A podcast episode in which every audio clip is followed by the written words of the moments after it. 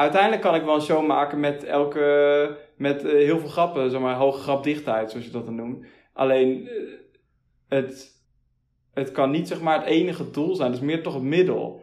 Want anders kan dat gewoon niet in hoe je maakt, gaat het je dat gewoon, gaat dat gewoon niet werken, zeg maar. Je moet, als je de hele tijd bezig bent of andere mensen ook gaan lachen op wat jij gaat vertellen, dan wordt het een heel geforceerd houd. Dat is net als dat je, weet je wel, je hebt altijd moeilijk dat je kan omgaan als mens met de mensen die heel erg lijken iets van jou te willen. Eh, heel erg de bevestiging willen dat ze wel aardig zijn. Ja, nou, dat heb je dus ook met een comedian die heel graag wil dat je lacht. Mijn naam is Jasmijn Huisman en sinds kleins af aan ben ik bezig met de zin van het leven en doe ik pogingen dit beter te begrijpen. In deze eerste aflevering van de podcast Kunstzinnig, met de nadruk op zin, bespreek ik de manieren waarop kunst zin geeft aan iemands leven en iedere aflevering zal er een andere kunstvorm centraal staan. Dan heb ik het over literatuur, beeldende kunst, maar ook over bijvoorbeeld cabaret. Maar dat doe ik natuurlijk niet alleen. Tegenover mij zit cabaretier Chum Arts. Ik zal hem even kort introduceren. Chum won in 2018 het Amsterdamse Studentencabaret Festival en behaalde de finale van het Leids Cabaret Festival in 2020. Bij de jaarlijkse talentenjacht op school deed hij mee met een zelfgeschreven monoloog en kwam hij er tot zijn grote verrassing achter dat hij iedereen aan het lachen maakte. Wat voelde je op dat specifieke moment? Wat ging er door je heen? Um, nou, om een beetje te schetsen. Nou, je noemt net al, uh, die cabaretdingen waren 2018, 2020 en dit was 2012, denk ik was ik 18, zoiets, 6 VWO. En toen um, uh, was ik uh, op school. Uh, deed ik dus mee die, bij, aan zo'n soort talentenjacht die er had. Er was best wel een ding daar. dus in mijn laatste jaar deed ik er eigenlijk ook pas aan mee. en daar, daar, zeg maar, daar, daar, daar, was best wel een culturele school. Um, en daar, daar zat echt wel 200, 300 man zat naar te kijken. En natuurlijk in feite, iedereen deed muziek bijna bij een talentenjacht. Dat is toch wel...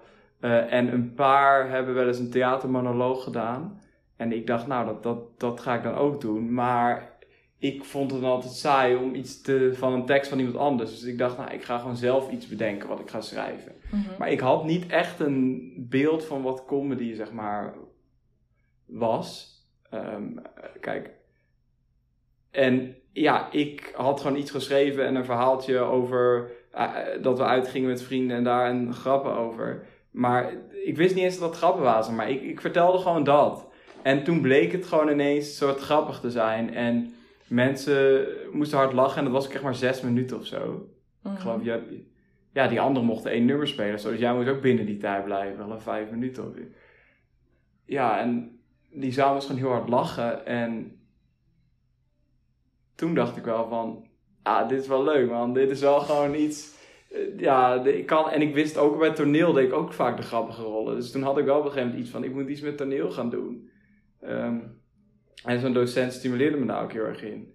Uh, maar het was nog niet echt het kwartje gevallen van, ik had gewoon onthouden meer voor, ik weet nog dat ik heel bewust moment op een fietspad terug naar huis van dat optreden was. En dat ik toen even ging stilstaan, van mijn fiets was afgestapt.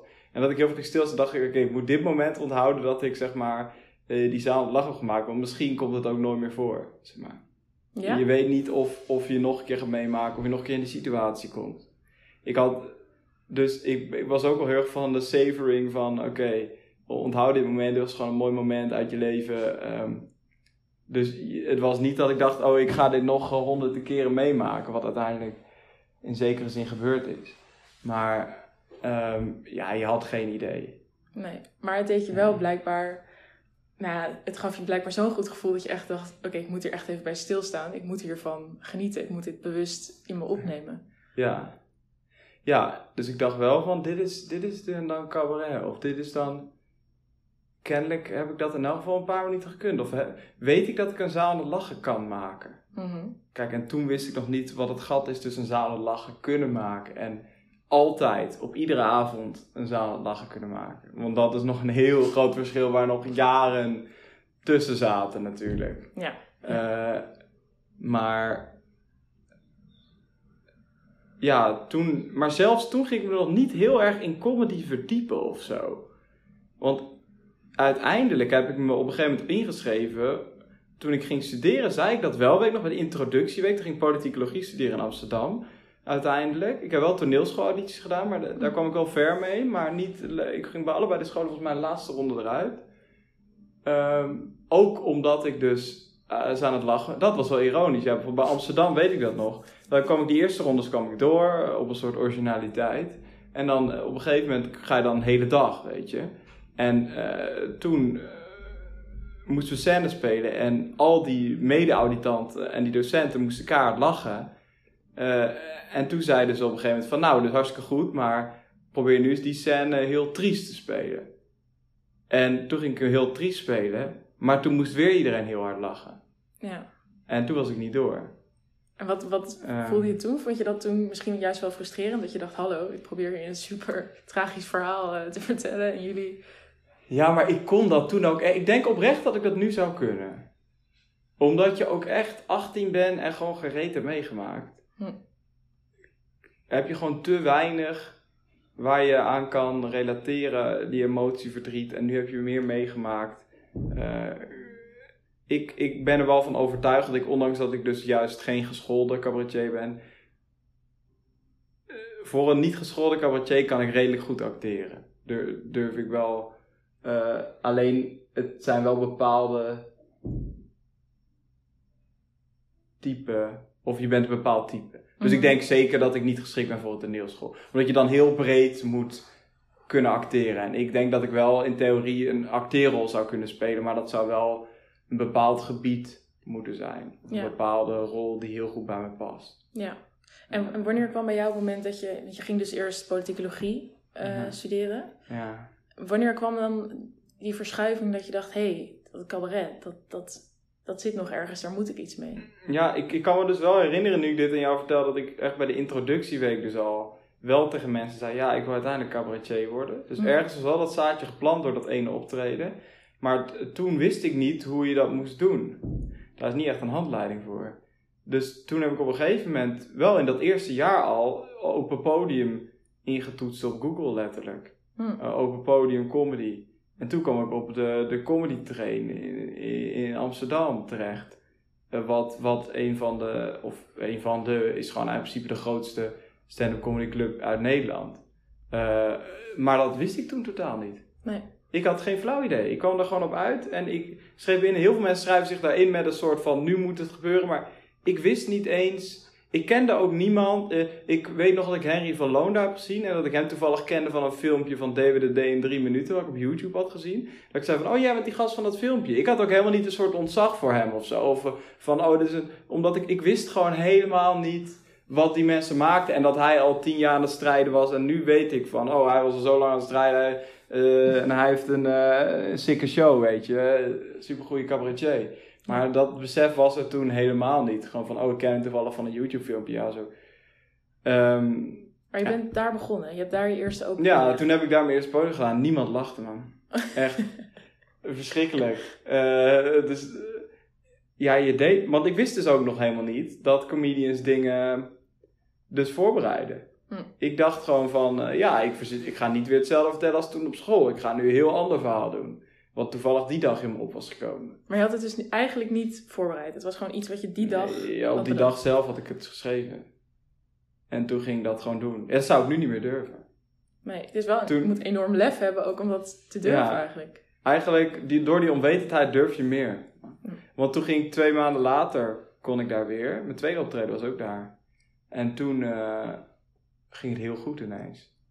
En maar dan, dat is dus die onregelmatigheid wat je dan hebt. Mhm. Eh, toen had je weer iets heel anders. En dat viel dan toevallig goed. En, eh, en daar hou je aan vast. Dat je één keer goed gaat. En dan denk je, ja, ik kan toch iets. Want toen mocht ik dus ook heel snel terugkomen. Ik geloof zelfs letterlijk de week daarna of twee weken daarna. Eh, maar toen ging het weer heel slecht. En toen zagen ze van, oh, hij weet nog eigenlijk niet wat hij doet.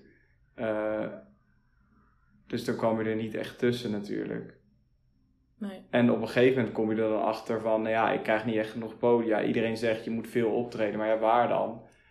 Eh, en toen ben ik een comedycursus gaan volgen. En dat was met name eigenlijk voor het netwerk. Het was uiteindelijk een nuttige cursus, hè. Ik bedoel, het zijn hele goede, zijn een paar hele goede cursussen in Nederland. Eh, maar ik deed dat eigenlijk. Heel veel mensen beginnen dan met zo'n cursus van, nou ja, dan kun je een beetje veilig beginnen met proberen. En Zonder dat je gelijk hoeft op te treden, zeg maar. Ja, ja. Maar ik deed het ook vooral omdat ik gewoon niet wist hoe ik aan optredens moest komen. En eh, dan ken je dus gewoon tien anderen die ook eh, beginnen. Dus die ook vaak weer dingen gaan organiseren. Ja, En, eh, dus ja, en ik had ook geen. Ik had ook toen kreeg ik pas net Facebook, geloof ik. ik was heel laat ook met alle digitale dingen. Ja. Dus, en daar haal je ook heel veel optredens uit. Uit. Facebook. Ja, op. Facebook heb je gewoon van die groep met comedians. Hm. Waar ik toen dus leerde kennen van je moet je daar inschrijven. En dan kan je, als je dan bij die groep zit, dan kan je reageren op uh, oproepen om op te treden. En Ja. dat ehm, tweede optreden bij eh, de Comedy Train, wat dus Mhm. beter ging, had je toen beter voorbereid? Of was, is dat naar jouw idee gewoon een soort van gelukstreffer van oké, dan toen ging het goed, toen niet? Of Ja, ik zou nu, nu als ik het zou zien, zou ik waarschijnlijk wel kunnen zien wat er goed aan was. Maar in mijn herinnering, ik geloof dat ik het toen letterlijk daarover had. Dat ik dus geen smartphone had. Volgens mij ging dat daar die zes minuten over.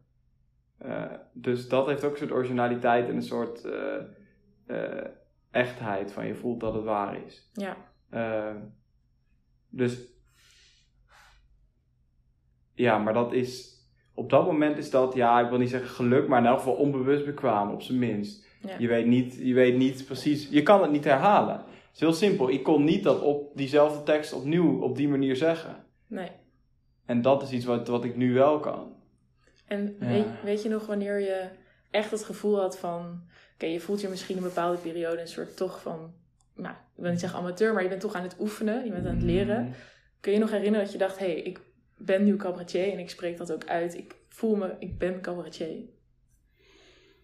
Ja, het is sowieso een beetje een onbeschermd beroep natuurlijk. Iedereen noemt zich maar comedian en eh, cabaretier. Dus je, je noemde die al wel eerder zo. Maar dat je echt... Want ik ben in 2015, geloof ik... Ja, 2015 ben ik gestopt met politicologie. Toen was ik dus al twee jaar bezig. Twee jaar met comedy bezig. Ja. Toen wist ik wel, ja, ik had er toen al nooit eh, 1 euro mee verdiend. Dus toen wist ik ook, dat is nog geen optie nu. Ik moet nog wel iets gaan doen. Eh, toen ben ik nog vier jaar gaan studeren. En in die vier jaar nou ja, zat ook die 2018 in mijn derde jaar van sociaal werk. Eh, won ik dus het Amsterdam Studenten Cabaret Festival. Ik denk dat dat het moment was dat ik het echt serieus ging nemen. Eigenlijk net daarvoor. Want toen dacht ik wel, oké, ik ben nu al vier jaar aan het spelen in alleen maar kroegjes voor 10 minuten. Wil ik hier uitkomen? Moet ik, wil ik in de theaters gaan spelen? Moet ik iets ondernemen nu? Ehm, of ik moet bij een comedyclub komen of ik moet een festival winnen. En ik zag mezelf eerder in het theater het goed doen. Ja. Dus toen dacht ik, ik ga het proberen Amsterdam Studenten Cabaret Festival. En toen heb ik daar echt wel heel serieus naartoe gewerkt. Niet van, ik doe me even mee. Ik had die set goed voorbereid. Nou, ik had dus nog niet zoveel plekken waar ik de hele set kon doen. Dus Hm. ik speelde het in stukjes overal. En, eh, en ik had wel regie daarop gevraagd van iemand. Eh, dus dat was wel goed voorbereid. Ja. Van oké, ik wil het in elk geval één keer geprobeerd hebben. Echt serieus. Je wil als je een poging tot iets doet wel dat het gewoon... Gewoon dat je denkt, ik heb er zelf alles aan gedaan, toch? Ja. Dus ik denk dat dat wel het moment was, 2018, Amsterdam Studenten Cabaret Festival. Want daarna was wel het plan van, oké, ik ga nu nog één jaar studeren. Ik moet nu afstuderen en ik moet ondertussen een basis gaan leggen voor eh, dat ik na mijn afstuderen niet een baan hoef te nemen, maar dat ik gewoon cabaretier ben dan. Eh, en nog wel andere projecten erbij, maar dat ik in ieder geval als ZZP'er kon rondkomen. Ja. Dus ik werkte toen ook heel veel. Mijn laatste jaar, 2018, 19 van mijn studie, ja, studeerde ik af. En eh, eigenlijk doe ik nu ongeveer evenveel als ik toen deed met afstuderen erbij. Ja. Qua u, ja, dat was ongezond hoor. Ik heb daar een jaartje echt gesprint om dus dat te realiseren. Mhm. Maar dat vind ik wel, Ja. we hadden het natuurlijk hiervoor ook al eventjes over, maar over die urgentie om dit te doen. Want blijkbaar was het dus zo belangrijk voor je van oké, dit is geen optie om het niet te doen. Ik moet dit doen. Ja. Ik moet cabaretier worden. Ja. Ja, ik weet niet of ik cabaretier... Ja. Het is in elk geval bij mij wel met maken en eh, met creëren. En met ook wel... Bij mijn opleiding heb ik ook wel echt veel... eh, het samenwerken met mensen, trainingen geven, lesgeven. Daar kan ik ook wel zoiets bij voelen. Maar... Ja, het moet toch een soort urgentie in een moment hebben in contact met anderen. Voor mij. Mhm. En ja, het cabaret is dan toch wel. Ehm, ik denk dat dat de urgentie is. Maar dat, eh, of iets wat moet bij mij. Wat is de Eh, urgentie? Dus dat het contact met anderen in het Mm. moment. Ja. En dat comedy meer of meer toevallig het talent is wat ik heb. Waarmee ik dat het best kan bereiken. Ja. Als ik goed had kunnen zingen of dansen. Had dat ook goed geweest, denk ik. Of, eh, ik weet niet wat nog meer, maar... ehm, maar toch, het lesgeven vind ik geweldig. Maar ik, eh, ik denk als ik dat fulltime zou doen, dat ik toch zou missen dat je jezelf een soort uit. Ja. Omdat je dan toch ook...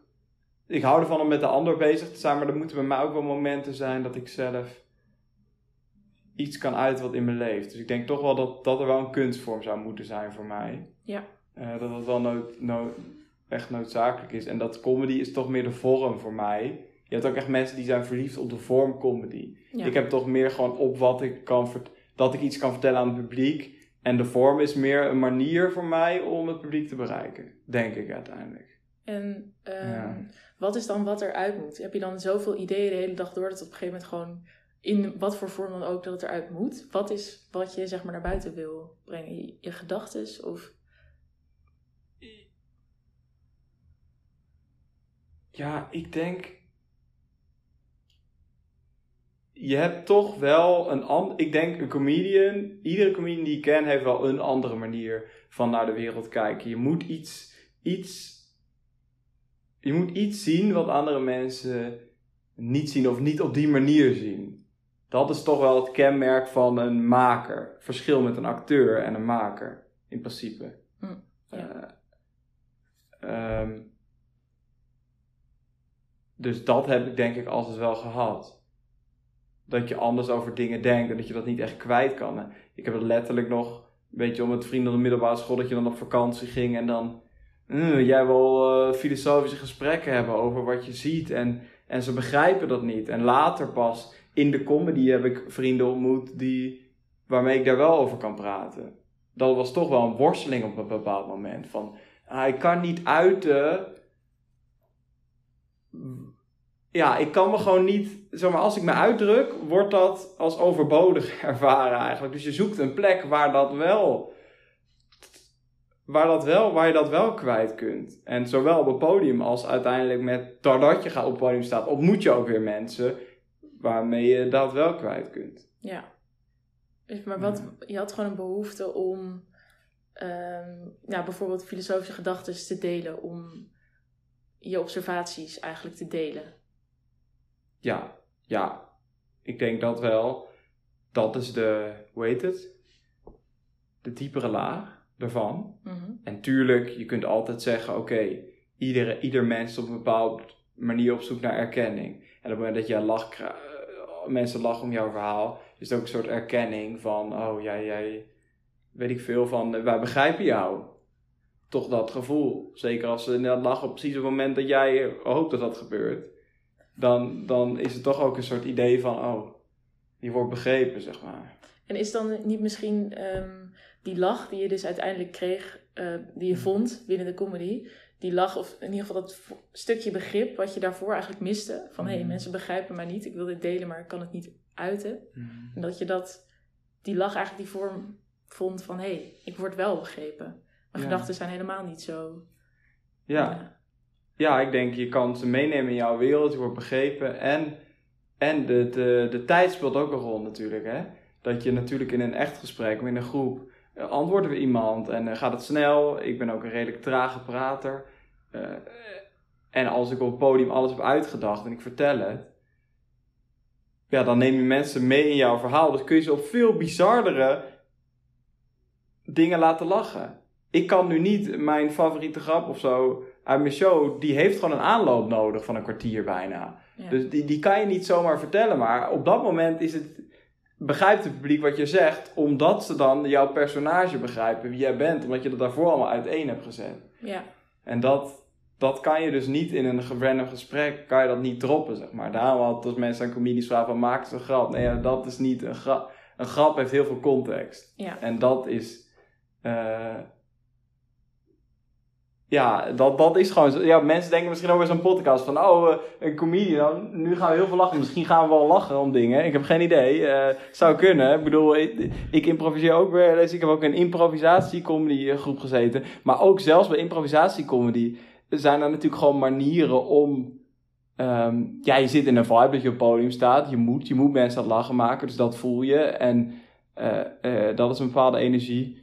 Um, ja, dat is gewoon heel anders dan dat je, uh, ja, dan hoe je zeg maar normaal denkt of zo. Wat soms wel lastig is ook, vind ik.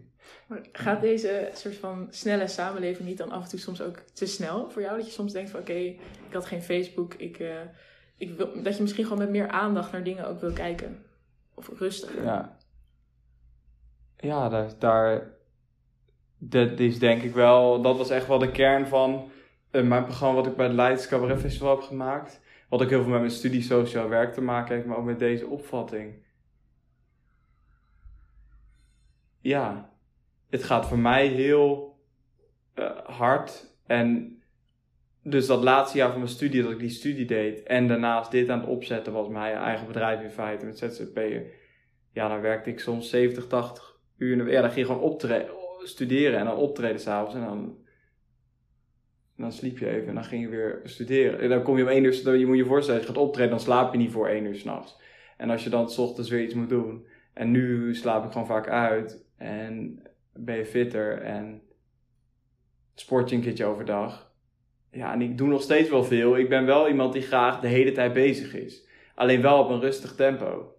Uh, en ik denk zeker dat dat meespeelt bij mij, maar ook bij heel veel collega's. Het is gewoon ook een manier om in de samenleving te functioneren zonder mee te hoeven in alles natuurlijk. Je hm. bent natuurlijk, je bent nooit autonoom geloof ik, maar je bent in principe het meeste vrij bijna wat je kunt zijn. Behalve als je, ja, dan ben je ook weer niet vrij als je bijvoorbeeld echt niet werkt, want dan ben je weer afhankelijk van de overheid of wat dan ook.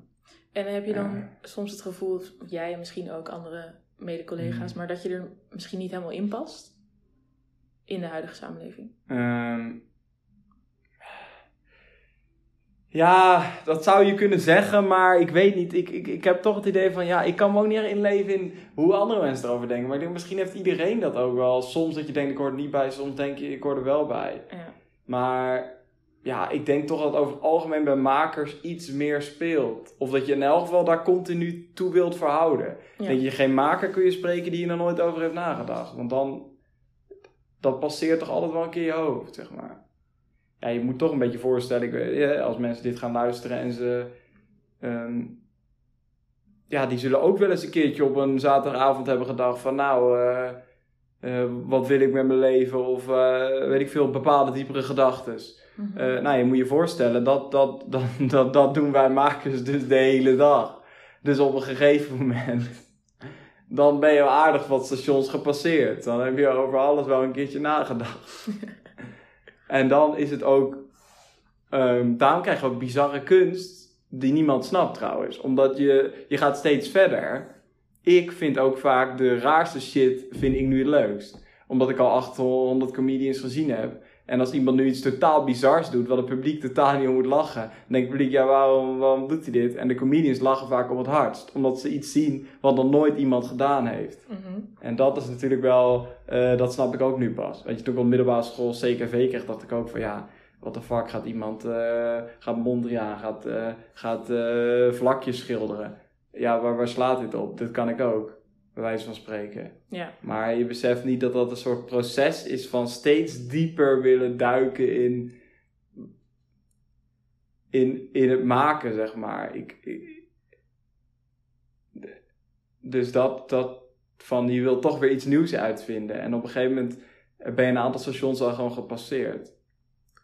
En, uh, maar dat is bij comedy wel. Je moet wel publiek meekrijgen natuurlijk. Henry van Loon trouwens heeft volgens mij ooit gezegd van... Uh, uh, de kunst bij comedy is, je moet het publiek één stap voor zijn. Niet nul en niet drie. Mm, ja. En dat is wel... Ja.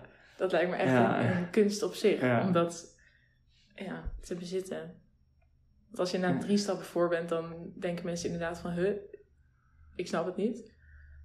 Maar dat heb ik ook wel eens gehoord, volgens mij, van Jan-Jaap van der Wal. Dat het soms ook een soort van, dat je bijna high kan voelen als je dan al weet wat er gaat komen. Je hebt een grap gemaakt en jij weet al, oh deze grap komt ook nog. Die, dat vinden ze nog leuker. Dat je ook gewoon helemaal een soort van één met het publiek kan voelen op die momenten. Ja, ja, ja, ja. Je bent, je bent echt in een andere staat van zijn, zeg maar. Uh, ja, het heeft echt wel een verslavende werking, denk ik, op een manier. Zeker als het echt lekker loopt. Dan, alhoewel je standaard gaat ook alweer omhoog. Want je, vroeger was je heel blij als zaal moest lachen. En nu heb je alweer ineens moeten en lachen. En er moet iets gebeuren. En er moet... Uh, dat, dat is dan alweer... Ja, hoe vaker je iets meemaakt, hoe minder bijzonder wordt. Dat blijft toch het, het, het, het, het van het leven, zeg maar.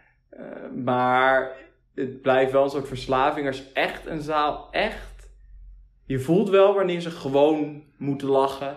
En mhm. wanneer er echt iets ontstaat, een soort hype inderdaad. Van, oh, dit is heel gaaf. Mhm. En dan kun je dus ook opnieuw om je eigen grap bijna lachen, die je al honderd keer gemaakt hebt. Omdat je toch, het is gewoon heel anders, omdat er anders op wordt gereageerd. Ja.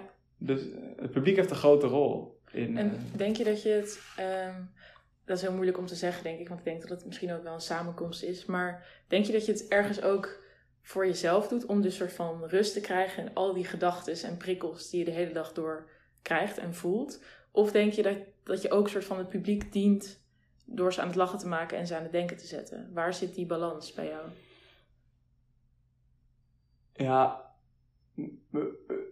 als podium of als maker heb je het heel vaak over de noodzaak. Elke regisseur begint over, die waar je ook mee spreekt, ja, wat is een noodzaak midden staan? Wat wil je geven?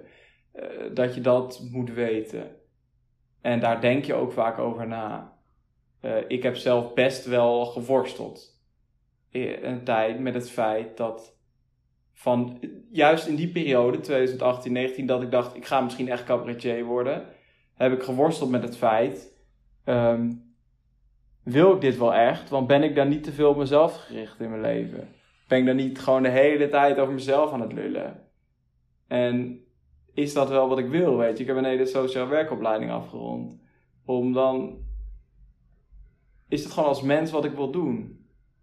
Uh, en uiteindelijk moet je dus niet alleen om beter te spelen, maar ook echt voor mezelf als mens moet je gaan bedenken, wat geef ik dan aan het publiek? Of wat, wat, wat, wat doe ik dan? Je ontkomt niet aan die, die, die, die gedachten. Maar ik denk, dat de verbinding, dus dat je aan het lachen bent en ja, een, een dieper contact, um, dat dat uiteindelijk, ja, dat, dat is voor mij het hoogst haalbare. En ik denk dat je dat ook het publiek uiteindelijk kunt geven als je echt een goed performance maakt en dat ze daar echt, dat ze dat echt kunnen meenemen. Los daarvan denk ik ook dat jouw merk, dat je cabaretier bent, dat je daardoor ook, eh, nou, wat, eh, op het moment dat ik daar genoeg geld mee zou verdienen, of dat doe ik nu al jaren, bijvoorbeeld de theaterweken voor, voor, voor kinderen, uh, en dat doe ik voor weinig geld bijvoorbeeld. Kijk, dus het is ook wel, op het moment dat jij een merk hebt als cabaretier, kun je daar ook wel mee doen. Dat, die verplichting voel ik wel nog steeds hoor. En ook wel, dat vind ik ook leuk. En daar hou ik ook betekenisgeving uit. Uh, maar dat gaat dus allemaal om dat contact op een bepaalde manier. Mm-hmm. Dat kun je geven direct door een performance, denk ik. Maar ook wel door ja, een andere manier, manier van contact. Nou, ik heb laatst een comedy gedaan op een bruiloft bijvoorbeeld. Mm. Dat is een hele andere setting. Maar ik denk dat je dan mensen echt wel hun dag mooier kan maken. Of het, ja, mensen herinneren zich wel die dag van... Oh, toen was... Ja, de, ik heb uh, zoveel bruiloft gedaan. Bij jouw bruiloft er was een comedian. Ja. Die, die heeft over jullie allemaal dingen verteld. Uh, ja ik denk dat dat, toen had ik wel het idee van, dit was iets waard. Uh, en is dat dan hoe je het, um, doordat je dus ook een dieper contact maakt, is, was dat waardoor je het zeg maar aan jezelf kon verkopen? Want je vroeg dat aan jezelf toch? Van, ja. Hey, ben ik dan niet de hele dag over mezelf aan het lullen en uh, ja. wil ik dat nou echt? Is dat zeg maar jouw antwoord geworden? Van hey, ja. ik maak een dieper contact? Ja, dat, dat is toch de kern voor mij. En dit is dan een manier om dat te bereiken. En ik denk dat dat ook trouwens de reden is uh, waarom heel veel comedians, uh, waarom het publiek altijd denkt als je vraagt van nee joh, uh, als je mensen vraagt die naar comedy gaan, zeggen altijd van ja, laat die hele boodschap in je stuk of je rode draad laat zitten. Het gaat er mij gewoon om dat ik aan het lachen ben. Maar Dat kan gewoon niet als maker, want je kan niet de hele. Je moet je voorstellen, ik ben daar 24-7 mee bezig. Je kan niet de hele dag alleen bezig zijn met: is dit grappig uh, voor publiek? Dan word je helemaal gek. Je moet toch ergens een vorm vinden van: ik wil dit vertellen. En daar komen dan uiteindelijk grappen in. En ik ben zeker wel van de school. Ik vind ook soms, het wordt nu overdreven, zeker voor de mensen die vanuit toneelschool kleinkunst naar cabaret gaan. Is het van, nou ja, als er af en toe een grap in zit, is het leuk. Nee, mensen kopen kaartjes voor comedy, dan moet er ook gelachen worden. Uh, maar in je maakproces is dat niet het begin. Bij mij in elk geval. Kan bij andere mensen wel zijn.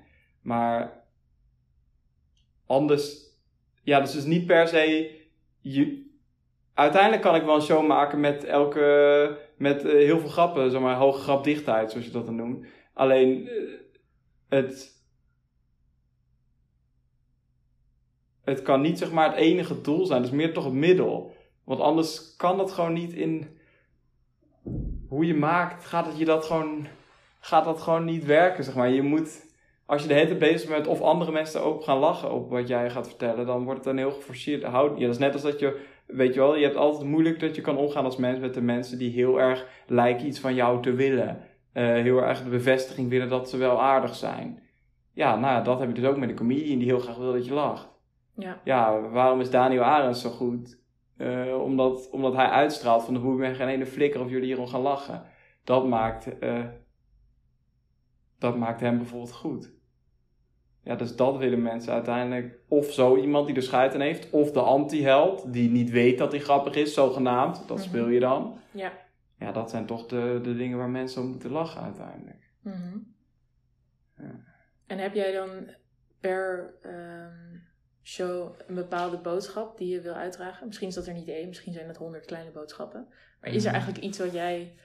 Um, ik denk dat het moeilijk is om in één zin te omvatten, maar misschien iets waarvan je denkt, hey, hier wil ik mensen even op wijzen. Van hey, um, leef, weet ik veel, leef bewuster. Of dat er iets is wat je eigenlijk wil uitdragen. Uh, ja, ik denk je hebt wel een beetje een hoofdthema als cabaretier, zeg maar.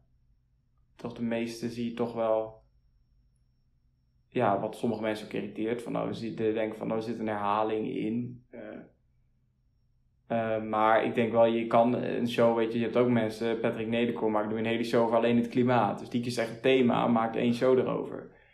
Um, maar ik weet niet of. Uh, zeg maar, ik ga niet zeggen, ik, ik vind dat je dat nooit eens maakt moet doen van, oh, mijn show gaat over dit, want dat is aan het publiek om te interpreteren. Maar natuurlijk denk ik er zelf super vaak over na. Ga proberen in één zin weer te zeggen wat je wil zeggen in die show. Alleen, ik heb wel geleerd met name van mijn regisseur ook van... Ik heb soms een neiging om te veel antwoorden te geven als maker. Mm. misschien is dat ook toch nog een beetje de leraarkant in mij. Maar je, je, je wil uh, eigenlijk meer het over een thema hebben. Dus ik moet heel duidelijk zijn dat het over een bepaald thema gaat. Dus ik heb wel de hele van alle stukken die ik hier in deze voorstelling bij elkaar doe, die moeten wel met een soort thema te maken hebben. Maar ze hoeven niet een antwoord te geven op dat dilemma of dat thema. Want dat gaat het publiek er vanzelf zelf uithalen. Of denken van, oh, hij zal wel dit bedoelen. En wat is dat? Of wil je dat misschien nou, niet, uh, nou ja, bijvoorbeeld nu ben ik met zelf veel bezig met bijvoorbeeld mijn, de verhouding tussen mijn hoofd en, en mijn lichaam. Van oké, okay, ik zit altijd vrij veel in mijn hoofd, maar ik heb ook een uh, in mijn leven veel dat ik steeds met mijn lichaam ben gaan zitten. Ja. Uh, en, en, en die weg daar naartoe, daarin maak je natuurlijk veel mee. Ja. Oké, daar kun je het over hebben. Ja. Kun je gaan zeggen van, kan het publiek gaan interpreteren van, oh, uh, oh, we moeten meer in ons lichaam gaan zitten of zo. Maar ja, dat vind ik niet super relevant. Ik vind het meer gewoon van, jij vertelt jouw beleving bij iets en het moet wel iets zijn wat herkenbaar is, wat mensen, nou, dit thema dat herkennen mensen wel. En ja, maar ik vind dat het publiek uiteindelijk moet. Ja, ze moeten, maar dat ga je vanzelf doen, zeg maar. Je denkt misschien van, oh, als je nu dit luidt van, oh, moet ik dat? Moet ik dingen interpreteren? Oh, dat doe ik helemaal niet altijd bij een show. Maar dat doe je echt wel. Alleen dan misschien onbewust. Net als dat ik begon met onbewust optreden. Tot je misschien heel veel dingen gaat kijken. En dan ga je heel bewust ga je kijken. ja. ja zo is kijken ook een. Uh, ik kijk nu ook anders. Doordat ik natuurlijk en heel veel gezien heb en zelf speel. Ja. Ja, Je kijkt anders naar voorstellingen. Ook als ik nu een dansvoorstelling zie of zo, of iets wat niet mijn vak is, kijk ik echt wel anders, omdat je ook bewust bent van het maakproces van iets. Mhm. En Ja. ik had een ehm, spoken word sessie van jou gezien. Volgens mij heet Mhm. dat, eh, stond op YouTube volgens mij. Ik kan er niet bij, als ik Mhm. het goed zeg. Toch? ja. Ja. Dat, ehm, volgens mij zeg je daarin ook van... Dat je dus echt letterlijk moeite hebt om dan naar je lichaam te gaan vanuit je hoofd, toch? Zoiets Mhm. dat je er een soort van niet fysiek... ehm, ja, fysiek niet helemaal kan vertalen. Maar Mhm. is cabaret dan... Daar mo- moet ik gewoon even over nadenken van... Cabaret is natuurlijk juist ook... eh, al die gedachten... Want voorafgaand aan een show ben je natuurlijk heel veel aan het denken. Ben je aan het, een show aan het schrijven. Mhm. Ehm, tot het moment dat je fysiek, zeg maar, het podium opgaat. Is dat eigenlijk niet ook een soort belichaming van cabaret? Dat je dus ehm, misschien voor jou een soort van fijne plek om juist vanuit dat hoofd het, eh, naar het lichaam te gaan en er iets mee te doen. Als je begrijpt wat ik bedoel. Ja, ja, ja, ja. Maar dit raakt ook wel heel erg het proces van de show wat ik nu aan het maken ben. En eh, ja, ik weet niet, het- in een bepaalde manier kan cabaret of dus zelfs spoken word, toevallig die tekst, eh, die staat al heel lang op YouTube, maar die ehm, heb ik dus drie, vier jaar niet eh, gedaan of gespeeld. Ja. Maar die ben ik voor deze show, eh, gebruik ik in elk geval delen daarvan. Ik heb hem helemaal herschreven inmiddels. Maar gebruik ik nou wat delen van die tekst. Omdat ik nu dus pas ben, dat is wel ironisch ook. Dat ik bij wat ik toen al dus wist kennelijk en al uitsprak in een spoken word. eh, heb ik nu het idee dat ik dat een beetje kan belichamen. Hmm. En dat, dat is natuurlijk ook waar de show over gaat en wie ik ben als persoon. Dat je eerder bent met je woorden dan met wat je doet. ja. Ehm, Kun je, kun je dat, dat- uitleggen? Dat je eerder bent met je woorden dan wat je doet?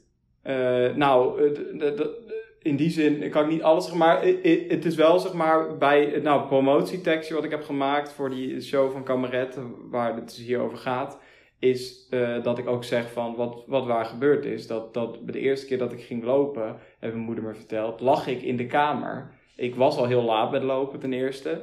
Eh, en eh, ja, ik lag, mijn ouders dachten, nou, gaat het nog ooit gebeuren? En ik lag in die kamer en ik zeg zitten, staan, lopen. En ik deed het. Dus ik kondigde letterlijk aan wat ik ging doen. Dus dan zie je dus echt dat mijn hoofd totaal voorliep op mijn beweging. Dat ik eerst in mijn hoofd moet weten, dit ga ik doen en dan doe ik het. Ja. Nou, dan is de vraag. Kan ik ook tot een punt komen, hè, met cabaret in feite bereid je het ook voor en dan ga je doen. Kun je dan op dat podium ook een momentum creëren waarin je fysiek iets onderneemt wat je niet voorbereidt. Of wat je in elk geval niet met je hoofd meer in de hand hebt. Mhm. Dus dat je lichaam ineens voorloopt op je hoofd in plaats van andersom. Ja. Ja, daarvoor moet je die show gaan zien. Nee, nee, maar, dat, nee, maar, dat, ja, maar daar ben ik nu mee bezig. Om te kijken van, oké, hoe ga, kan ik dat dan uiteindelijk gaan, gaan realiseren? Hoe, eh, eh, en daar in die zin neem je mensen mee uiteindelijk in een voorstelling, in een, een reis. En in iets wat ze zelf ook kunnen. eh. ja, en dus ook de andere kant van het leven. Want mensen zijn misschien bezig met, weet ik veel, met een baan, met geld of wat weet ik veel, met een familie of eh, geen idee. Eh, terwijl dit is iets heel essentieels en ehm, voor mij is mijn eigen verhaal uiteindelijk de chillste manier om iets over de maatschappij te zeggen ook. Mhm. Want kijk, ik kan nu in deze show iets zeggen over je verbinding met je lichaam. Eh, over, eh, best wel veel gaat het bij mij ook over, altijd over vergankelijkheid, weet je. Ehm, eh, dat zie je er net al bij. dat ik zei van na dat eerste optreden dacht ik op dat fietspad van oh, onthouden, misschien gebeurt het nooit meer. Ik denk altijd best wel in van die momenten van alles kan ook altijd voorbij zijn. Ehm, en die vergankelijkheid gecombineerd met. eh, nu zit ik heel veel te zoeken. Ehm, wacht even, één stukje terug hoor. Ehm, Over in je lichaam? Ja. Had je het daarvoor? mij? ja, ja. Dus dat, dat in je lichaam zitten. ehm, eh, nou, dus in je lichaam zitten, vergankelijkheid. eh, de dood, thema's die nu bijvoorbeeld ook zouden kunnen spelen bij een coronacrisis. Mhm. Snap je? Alleen, ik ga het niet hebben over de coronacrisis in mijn voorstelling. Maar ik ga het hebben over mijn verhaal met dat lichaam en met dingen.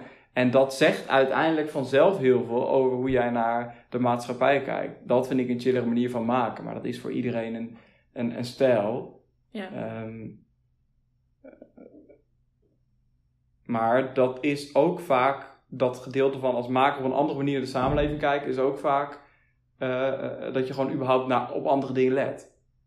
Dus je ziet niet per se iets wat nou een soort, weet je wel, van dat jij ineens iets ziet wat helemaal niemand kan zien of zo. Eh, het is geen magisch iets, maar het is ook gewoon, je, je bent met andere dingen bezig. Weet je, op politicologie ook. Dan waren mensen altijd over die verkiezingsprogramma's. En dan had ik het bezig met, ja, maar als ze nou allemaal voldoende slapen, zou dan niet gewoon het beleid zwaar verbeteren? Want dat is toch, dat is toch, dat is toch een totale. En dat meen ik dan. Ik denk dat echt. Van, ik denk dat ook echt, dat het dan echt verbetert.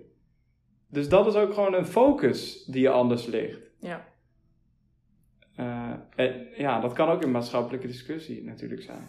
Maar heb je ook het gevoel dat je ehm, gaandeweg door cabaret, dat je dus ook wel meer in je lichaam bent gekomen? Ja.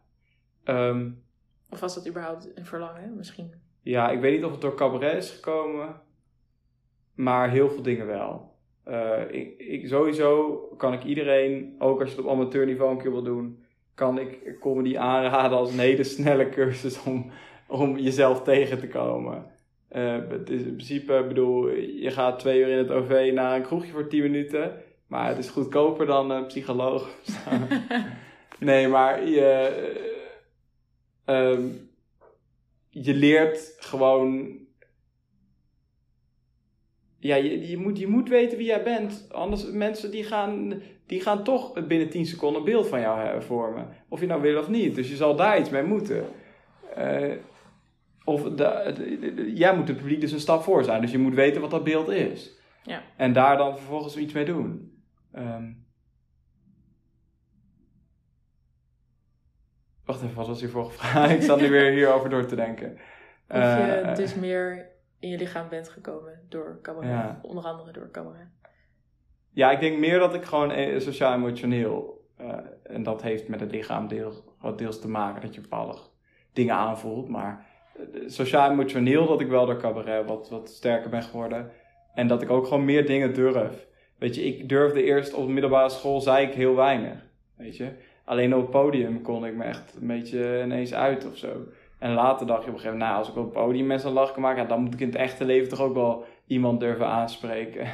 Ja. En dan, dan groeit dat, zeg maar. En dan durf je op een gegeven moment meer. En als je een keer hebt meegemaakt, een paar keer dat je voor een zaal zit en niemand lacht. nou, dan zijn andere schaamtemomenten zijn relatief in feite. Dus, dus je gaat gewoon meer durven. Je ziet, je ziet, ja, ik durf wel in sociale situaties. Ik bedoel, je ziet mij niet zo. Nou, nou, zelfs in een achtbaan ben ik op een gegeven moment gaan zitten. Maar dat is niet mijn ding bijvoorbeeld. Alleen. Alleen, en dat zal het ook misschien nooit worden. Maar ehm, ja, maar dat, nou bijvoorbeeld. Ik denk oprecht, doordat als ik niet comedy had gedaan, dat ik bijvoorbeeld niet had gedacht van, nou, ik ben nou eh, 23 of toen de tijd, ik ben nu 28, maar oh, nou, weet je wat, ik heb nog nooit eigenlijk in een achtbaan gezeten. Als kind durfde ik dat nooit, laat ik dat nu eens gaan doen. Ehm, dat heeft wel daarmee te maken dat je gewend bent om iets te doen wat gewoon eng is. Ja. En als je daar gewoon aan gewend bent, Mhm. dan weet je dat, je- dat die gevoelens van angst daarbij horen. En Ja. dat is, dit is een beetje een klein voorbeeld, maar in sociale situaties heb je dat wel meer. Weet je, ik heb ook mijn eigen vak bedacht. En creatief netwerken voor middelbaar onderwijs. Ja. Wie komt nou godsnaam op het idee om een eigen vak te bedenken op een middelbare school? Terwijl iedereen heeft gewoon diezelfde vak. Ja, ik vind het zelf nog steeds eh, heel, heel ja, wonderlijke samenloop van omstandigheden. Maar je bedenkt dat, je zet het op Facebook. En eh, iemand reageert van je kan het op onze school gaan proberen. En je, je gaat dat doen. En Ja. andere mensen zeggen, maar hoe, hoe dan? Maar je, hebt, je bent geen leraar, je hebt geen leraardiploma. En, maar kun je dan voor die klas staan? En hoe? Ja, ik ging dat gewoon proberen. Ik ging dat gewoon doen. En eh, toen gebeurde het. En er gingen ook echt wel heel veel dingen mis hoor. Het is niet dat, dat alles goed gaat. Maar dat is gewoon het leven. Maar dat je op een gegeven moment gewoon die dingen aangaat en niet zo denkt in van, oh, maar dit kan wel of niet. Of, Ja. eh, en dat ben je dan wel gewend door comedy. Van, Ja. Klinkt ook wel alsof je zeg maar die situatie wat, wat je moeder eh, je vertelde, dat zitten en lopen, of wat was het? Zitten, Ja. lopen. eh, staan, ja, Ja, staan, lopen. Zitten, staan, lopen. Alsof je nu zeg maar misschien iets minder dat kleine denkprocesje nodig hebt in je hoofd van oké, dit, dit, dit en dan ga ik staan. Maar dat je nu gewoon meer uit jezelf dat maar gewoon gaat doen door misschien wel comedy. Ja, omdat natuurlijk bij comedy moet je op commando in het moment zitten eigenlijk in feite. Hè? Ja. Dus soms ben je er ook gewoon helemaal ready voor. En dan denk je, yes, ik wil een verhaal vertellen. Maar soms is het gewoon van, ja, je moet nu gewoon op. Er is niet een keuze. Je kan niet even denken, eerst dus... Je kan dus niet letterlijk eerst nadenken van, oh, hoe ga ik dit doen precies? Ja, dat kan je wel thuis al gedaan hebben. Maar soms komt er gewoon een moment dat je even niet klaar voor bent, weet je. Eh, de dag van de begrafenis van mijn oma speelde ik ook s'avonds. Ja, dan zit je hoofd echt wel ergens anders bij. Maar je gaat gewoon. eh, maar ik heb wel bewust keuze gemaakt van ik ga gewoon spelen. Omdat ik ook dat wilde ervaren. Van hoe, hoe moet je dan eh, gaan. Ja, hoe moet je dan eh, je verhouden? Neem je dat mee? Neem je dat niet mee? Ja. Ehm, ja, je moet soms. En dat, dat leer je natuurlijk wel voor het leven, zeg maar. Van, ja, je moet nu op. Ja, je moet nu... eh,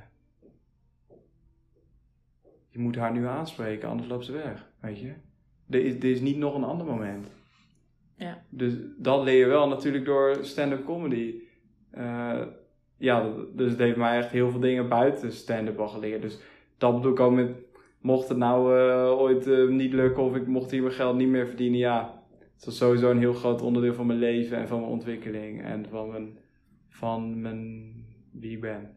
Ja. Ja. Klinkt echt alsof. Nou, we hebben natuurlijk best wel veel aangeraakt van oké, dit brengt het je. Maar het, het klinkt ook alsof het dus gewoon echt.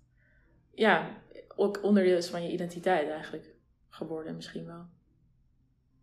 ja, het is gewoon een heel groot deel van de weg die ik heb afgelegd. Bij alles, bij die studie, bij alles wat ik heb gedaan, was dit al onder de radar aanwezig. Was ik al de hele tijd bezig met die optredetjes. Want ik deed dat veel. Hè. Ook toen ik in die eerste jaren, weet je wel, 2013 tot, tot, tot 17, 18, speelde ik misschien in kleine kroegjes eh, voor consumptiebonnen. Maar dat deed ik wel echt twee, drie keer in de week of zo. Echt veel. Ja. Dus het was een heel groot deel van je leven. Op een gegeven moment is ook de helft van je vrienden is ook comedian, want die kom je elke keer weer tegen. Ja. Ja. ja. En zou je ook niet meer anders willen dan dit? Ehm, ja, op een bepaalde manier sta ik dan toch wel weer zo open in het leven. Door misschien die comedy dat je ook denkt van ja, alles kan op je afkomen. Je moet altijd op kunnen reageren. denk je ook van ja, eh, ik sluit niks uit. Maar er is natuurlijk wel heel veel gebeurd nu met die lockdowns. Ja. Dat je dacht, ja, als er een moment was dat ik iets anders kon doen, dan was het echt wel deze tijd geweest. En op de een of andere manier, het enige wat ik kon bedenken was toch hiermee doorgaan. Ja. Dus, dus nee, voorlopig is dit wel. Maar weet je waarom? Waarom je er toch mee door wilde gaan? Ja, het was toch het meest.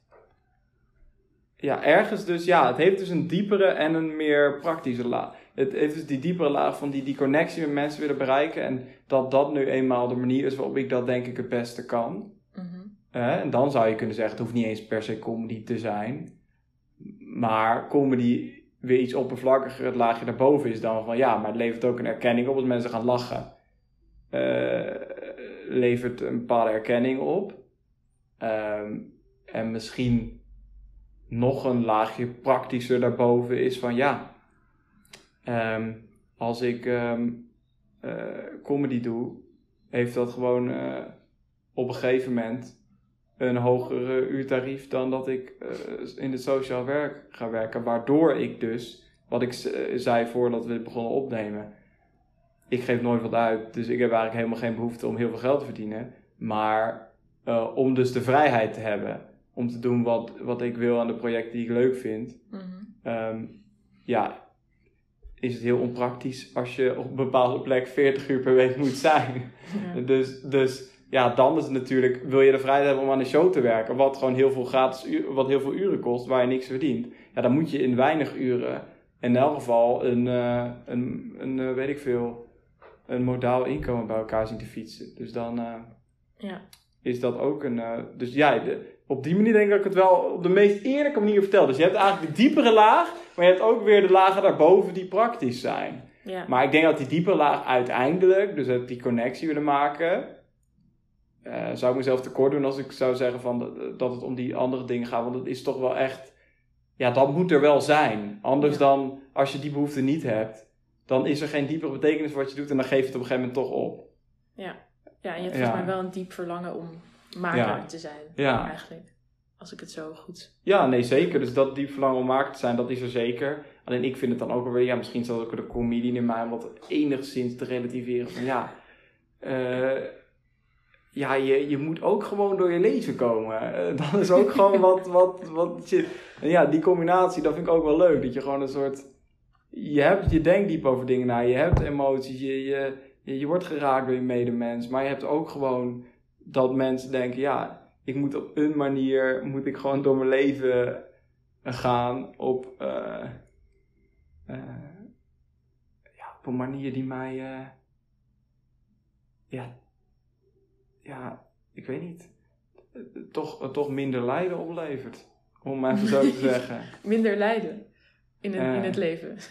Ja, toch uiteindelijk denk ik dat mensen het uiteindelijk bezig zijn met een soort geluk maximaliseren en lijden beperken op een ja. op een cru. Ja, en soms is dat natuurlijk, moet je dingen aangaan, waardoor je juist misschien eerst leidt om dan uiteindelijk geluk te krijgen. Dus dat is een heel ingewikkeld proces, maar het is wel eh, wat ook aan de hand is, zeg maar. Ja.